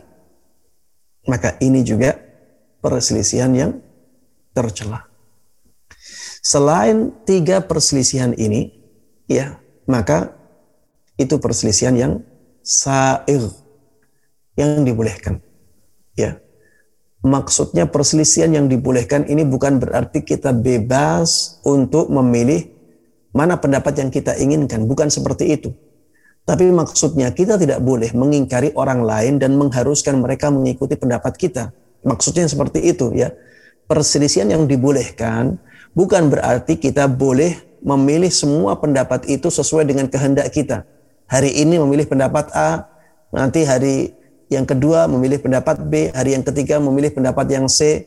Kalau berkumpul dengan si fulan, kita memilih pendapat ini, berkumpul dengan kelompok lain memilih pendapat yang uh, bertentangan dengan pendapat kita sebelumnya. Ya, tidak seperti itu. Maksudnya adalah bahwa itu pendapat yang tidak tercela. Sehingga kita tidak boleh meremehkannya, tidak boleh merendahkannya, tidak boleh mencela seseorang hanya karena dia berpendapat seperti itu. Ini, ini maksudnya. Tapi kalau seseorang melihat perselisihan yang seperti itu, dia harus menentukan sikap. Mana pendapat yang dia pilih, dan dia harus mengambil konsekuensi dari pendapat yang dia pilih. Ya, Wallahu taala a'lam. Dan kalau kita melihat ya perselisihan-perselisihan yang terjadi ya, di kitab-kitab fikih ya, di kitab-kitab eh, eh, yang menjelaskan tentang masalah-masalah fikih ya, itu rata-rata adalah perselisihan pendapat yang dibolehkan. Rata-rata ya. Termasuk di antara ciri pendapat uh, perselisihan pendapat yang dibolehkan itu kalau yang mengatakannya itu orang-orang sudah di zaman dahulu, di zaman dulu, ya. Dulu sudah ada perselisihan ini, di zaman sahabat sudah ada perselisihan ini, di zaman para imam sudah ada perselisihan ini. Ini ini ciri-ciri perselisihan yang dibolehkan. Ya, yang penting kita memilih pendapat mana yang menurut kita dalilnya lebih lebih kuat, ya. Allah taala alam. Jazakallah khairan Ustadz atas penjelasannya. Kami lanjutkan ke pertanyaan yang kedua. Assalamualaikum warahmatullahi wabarakatuh. Izin bertanya Ustadz, bagaimana menjawab subhat orang tua dengan bahasa yang ma'ruf ketika diajak untuk mengenal dakwah salaf? Beliau menjawab bahwa kita itu tidak boleh fanatik dengan golongan tertentu, karena setiap golongan pasti merasa paling benar dan hanya akan menjelek-jelekan kelompok lainnya. Jazakumullah khairan Ustadz. Tafadil. Baik. Ya, mendakwahi orang tua, ya, mendakwahi orang tua. Saya nasihatkan kepada teman-teman, ya, jangan mendakwahi orang tua dengan debat. Jangan mendakwahi orang tua dengan perdebatan. Jangankan orang tua, teman kita saja. Kalau kita debat, ya, itu sering kali tidak bisa menerima dengan baik. Apalagi orang tua. Dan kita harus tahu psikologi orang tua ya. Orang tua itu yang merawat kita dari kecil, dari ketika kita tidak tahu apa pun. Dan dari saat kita tidak berdaya, yang menolong kita orang tua, yang merawat kita orang tua, yang memintarkan kita, menyekolahkan kita orang tua. Dan orang tahu, orang tua kita tahu lebih dahulu daripada kita. Makanya kalau mendakwahi orang tua, jangan pakai perdebatan. Jangan gunakan perdebatan. Ya, gunakanlah doa misalnya. Doakan orang tua. Baik secara terang-terangan maupun dengan sembunyi-sembunyi. Terang-terangan maksudnya kita tampakkan doa kita untuk orang tua kita. Ya, jangan kita menampakkan doa yang menyinggung orang tua juga. Ya Allah, mudah-mudahan Engkau eh, tunjukkan jalan yang lurus kepada orang tuaku. Ya, sehingga kalau kata-kata ini disampaikan eh, di depan orang tua secara terang-terangan bisa jadi orang tua tersinggung. Oh, berarti aku sesat ya. Jangan doakan dengan doa-doa kebaikan. Ya, yang tidak menyinggung orang tua. Ketika doanya itu secara langsung. Ya, fungsinya apa doa yang kita tampakkan kepada orang tua? Fungsinya agar orang tua tahu bahwa kita sangat sayang kepada kepada beliau. Bahwa kita perhatian kepada beliau. Kita ingin kebaikan untuk beliau. Adapun doa saat sendiri, maka ini sangat mustajab sekali. Ya, ini sangat mustajab sekali dan menunjukkan betapa ikhlasnya kita dalam uh, doa kita. Dan banyak ya orang-orang yang berusaha dengan doa ini, mereka menjadi berhasil untuk mendakwahi orang tuanya. Jangan didebat Jangan didebat. Dakwai orang tua dengan doa. Kemudian yang kedua, dakwai orang tua dengan akhlak. Tampakkan akhlak yang mulia. Tampakkan bahwa kita senang membantu orang tua kita. Tampakkan bahwa kita senang memberikan hadiah kepada orang tua kita. Tampakkan bahwa kita ya selalu memberikan yang terbaik untuk orang tua kita akhlak ini juga sangat sangat penting. Dan sampaikan kepada orang tua bahwa akhlak seperti ini diajarkan di dalam Islam. Kita tahunya dari sunnah-sunnah Nabi Muhammad Sallallahu Alaihi Wasallam. Agar orang tua ya tahu bahwa perubahan yang ada di kita itu membawa kebaikan yang sangat besar bagi orang tua kita. Kemudian bawa orang tua ke tempat-tempat kajian. Ya sering kali orang tua tidak mendengar dari kita. Tapi kalau orang tua tersebut mendengar dari orang lain, dia lebih lebih eh, merasa tidak dipojokkan. Bawa orang-orang tua kita ke tempat-tempat kajian. Kalau misalnya langsung membawanya ke tempat kajian kurang begitu uh, disenangi, maka bawa dulu ke tempat-tempat makan. Bawa dia ke tempat makan atau ke tempat ya, lain ya yang disenangi oleh orang tua. Kemudian setelah itu ketika pulang mampir dulu di masjid misalnya. Kita sesuaikan waktunya biar pas jadwal ada kajian sunnah di sana. Ya yang seperti ini insya Allah akan membawa kebaikan bagi orang tua ya. Ya saya lebih tekankan masalah ini ya tidak mendebat orang tua ya tidak mendebat orang tua. Karena kalau kita debat maka e, keadaannya akan semakin semakin buruk. Adapun perkataan orang tua bahwa setiap orang itu fanat akan fanatik dengan apa yang e, menjadi keyakinannya maka itu benar. Setiap orang itu akan fanatik dengan apa yang dia yakini. Yang menjadi pembeda adalah bahwa keyakinan yang benar adalah keyakinan yang sesuai dengan dalil dan sesuai dengan pemahaman para salaful ummah, pemahaman para sahabat Nabi Muhammad Sallallahu Alaihi Wasallam. Ini yang menjadi pembeda. Bisa orang mengatakan ini juga sesuai dalil. Ini sesuai Al-Quran, ada Al-Qurannya, ada Sunnah. Tapi biasanya mereka ya kalau itu tidak sesuai dengan kebenaran, biasanya mereka menyelisihi pemahaman para sahabat. Ya, biasanya mereka menyelisihi pemahaman para sahabat. Mereka memahami Al-Qur'an tidak seperti difahami oleh para sahabat Nabi Muhammad sallallahu alaihi wasallam. Kalau mereka memahami Al-Qur'an dan sunnah sesuai dengan pemahaman para sahabat, biasanya ya mereka akan meninggalkan apa yang mereka yakini yang salah ya. Jadi setiap orang memang akan fanatik dengan keyakinannya dan ketika seseorang fanatik dengan keyakinannya biasanya dia mendasarinya dengan dalil-dalil. Yang menjadi masalah ini adalah dalil-dalil ini. Dalil-dalil itu apakah difahami sesuai dengan pemahaman para sahabat? Apakah dalil-dalil tersebut sanatnya sahih ataukah tidak? Ya, Allah taala alam. Ya, Barakallahu Ustadz. Alhamdulillah.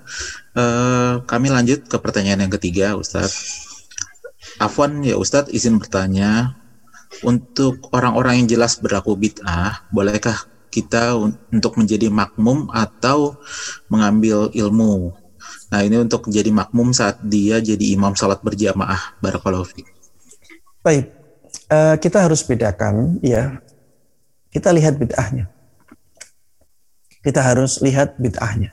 Apabila bid'ah tersebut bid'ah yang menjadikan dia kufur menurut kita, maka kita tidak boleh bermakmum kepadanya atau dengannya. Kalau bid'ahnya tersebut menurut kita adalah bid'ah yang menjadikan dia kufur, maka kita tidak boleh bermakmum dengannya. Dan ini berbeda dengan fonis kafir. Ya ini berbeda dengan fonis kafir. Bisa saja kita uh, menganggap bahwa orang ini bid'ahnya itu bid'ahnya bid'ah yang sampai pada derajat kekufuran. Tapi kita tidak berani mengkafirkan dia.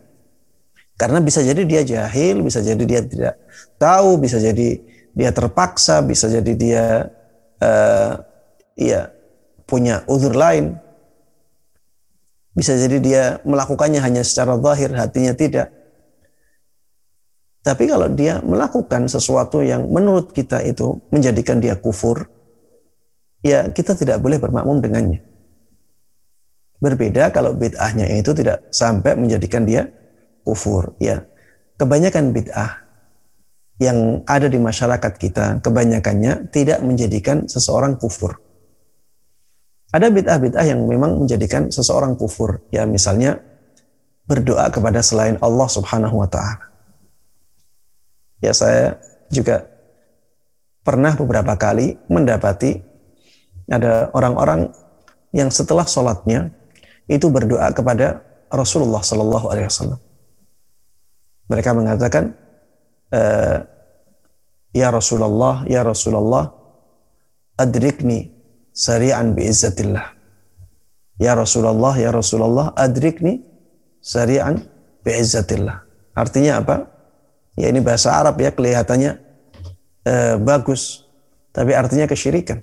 Wahai Rasulullah, wahai utusan Allah, wahai utusan Allah, selamatkan aku dengan cepat dengan kekuatan Allah Subhanahu wa taala. Ya, dia meminta kepada Rasulullah sallallahu alaihi wasallam agar diselamatkan. Ini jelas kekufuran ya. Ini jelas kekufuran. Minta kepada selain Allah Subhanahu wa taala sesuatu yang tidak dimampui kecuali oleh Allah Subhanahu wa taala. Tapi kita tidak bisa serta merta mengkafirkan orang yang mengatakan ini karena untuk mengkafirkan seseorang, ya kita butuh tahu apakah syarat-syaratnya terpenuhi, ataukah eh, penghalangnya sudah tidak ada semuanya. Tapi kalau untuk melihat perbuatan dia kufur, ya maka kita bisa mengetahui secara langsung seperti ini. Ini perbuatan yang menjadikan seseorang kufur. Tapi belum tentu orang yang melakukannya kafir. Ya makanya harus dibedakan itu. Tapi kalau kita tahu orang tersebut melakukan bid'ah yang eh, eh, yang bisa mengkafirkan pelakunya, maka kita tidak boleh bermakmum dengannya. Kita tidak boleh bermakmum dengannya. Adapun bid'ah-bid'ah yang lain ya seperti misalnya eh, membaca Al-Qur'an di kuburan ya atau misalnya bertawasul dengan zat makhluk bertawasul dengan zat makhluk. Maksudnya apa? Memintanya kepada Allah tapi menyebut kemuliaan makhluk. Jadi memintanya kepada Allah Subhanahu wa taala. Tapi dia menyebut-nyebut makhluknya. Seperti ya Allah, mudahkanlah urusan kami dengan kemuliaannya Nabi Muhammad sallallahu alaihi wasallam. Dengan kemuliaannya Nabi Muhammad sallallahu alaihi wasallam. Ya, ini bukan kekufuran ya, tapi ini kebid'ahan. Ya bid'ah-bid'ah yang seperti ini tidak menjadikan seseorang kufur sehingga kalau dia menjadi imam ya tidak masalah kita bermakmum di belakangnya. Dan bid'ah-bid'ah yang seperti ini banyak ya di masyarakat kita ya karena memang eh, dulu yang menyebar yang seperti itu. Makanya tugas kita di zaman ini untuk memberikan pemahaman dan kita harus sabar kita harus sabar dalam memberikan pemahaman yang benar. Ya mudah-mudahan Allah Subhanahu wa taala mencatat kesabaran kita sebagai pahala yang agung dan mudah-mudahan Allah memberikan taufiknya kepada kita semuanya untuk bisa bersabar dalam uh, memperjuangkan kebenaran ini. Allah taala alam. Jazakallah khairan Ustadz. Afwan Ustadz, uh, apakah Ustadz masih ada waktu mungkin untuk satu pertanyaan terakhir Ustadz? Baik, pertanyaan terakhir ya. Ya, baik. Uh, ini ada pertanyaan, bagaimanakah jika kita sebagai orang tua untuk memilihkan pesantren atau sekolah yang baik dari segi kurikulum dan terlebih sesuai dengan Al-Quran dan Sunnah? Apakah ada tuntunan atau cara menimbang hal ini sebelum memilih pesantren untuk anak-anak kita? Sebagaimana penjelasan subat pertama memilih ilmu agama dari sumber atau guru yang baik pemahaman agamanya. Tafadhal Ustaz. Baik, uh, kalau kita orang awam ya, kita tidak tahu mana ma'had atau pondok atau sekolah yang manhajnya lurus atau akidahnya lurus, maka kita bisa uh, mencari info tentang itu melalui ustadz-ustadz yang kita sudah tahu manhajnya lurus atau akidahnya lurus. Ya, kita bisa bertanya kepada para ustadz yang kita ketahui akidahnya lurus. Ini sangat penting memang karena jangan sampai kita nantinya malah menyesal karena salah dalam memilih sekolah atau lembaga pendidikan. Ya dan di lapangan memang banyak ya. Banyak lembaga-lembaga pendidikan yang kelihatannya bagus tapi dari sisi akidahnya tidak lurus. Dan ada yang terlihat sangat islami tapi juga ternyata akidahnya tidak lurus. Ya. Ternyata akidahnya Rafidah ya. Ternyata akidahnya Khawarij.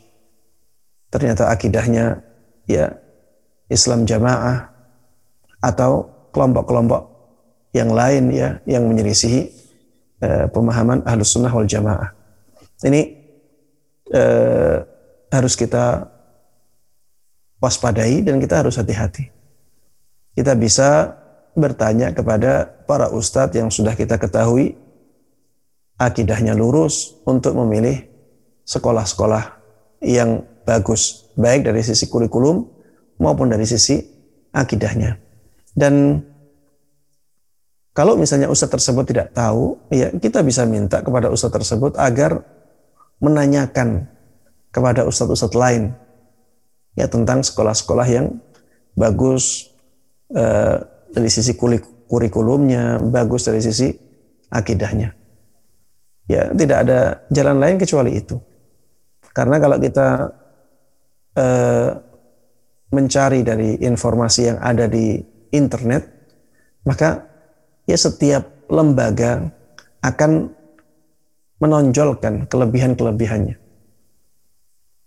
Kemudian kalau kita lihat sendiri ke lapangan itu juga tidak eh, 100% akan menjadikan kita tahu ya bahwa pondok tersebut benar-benar bagus dan benar-benar lurus akidahnya karena yang menilai kita kalau kita orang awam, maka penilaian kita akan kurang mendalam. Berbeda kalau yang menilai adalah uh, ustadz-ustadz yang memang uh, tahu uh, tentang masalah akidah dengan baik. Ya Allah taala alam. Jazakallah khairan Ustadz atas penyampaian materi mengenai subat-subat kekinian dan penjelasan atas pertanyaan-pertanyaan yang diajukan. Insya Allah kami mendapat faedah ilmu yang bermanfaat. Mudah-mudahan dapat dilanjutkan ya Ustadz untuk pembahasan mengenai subat lain di lain waktu.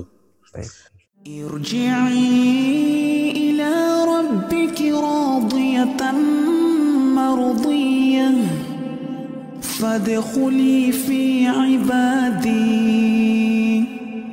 وادخلي جنتي.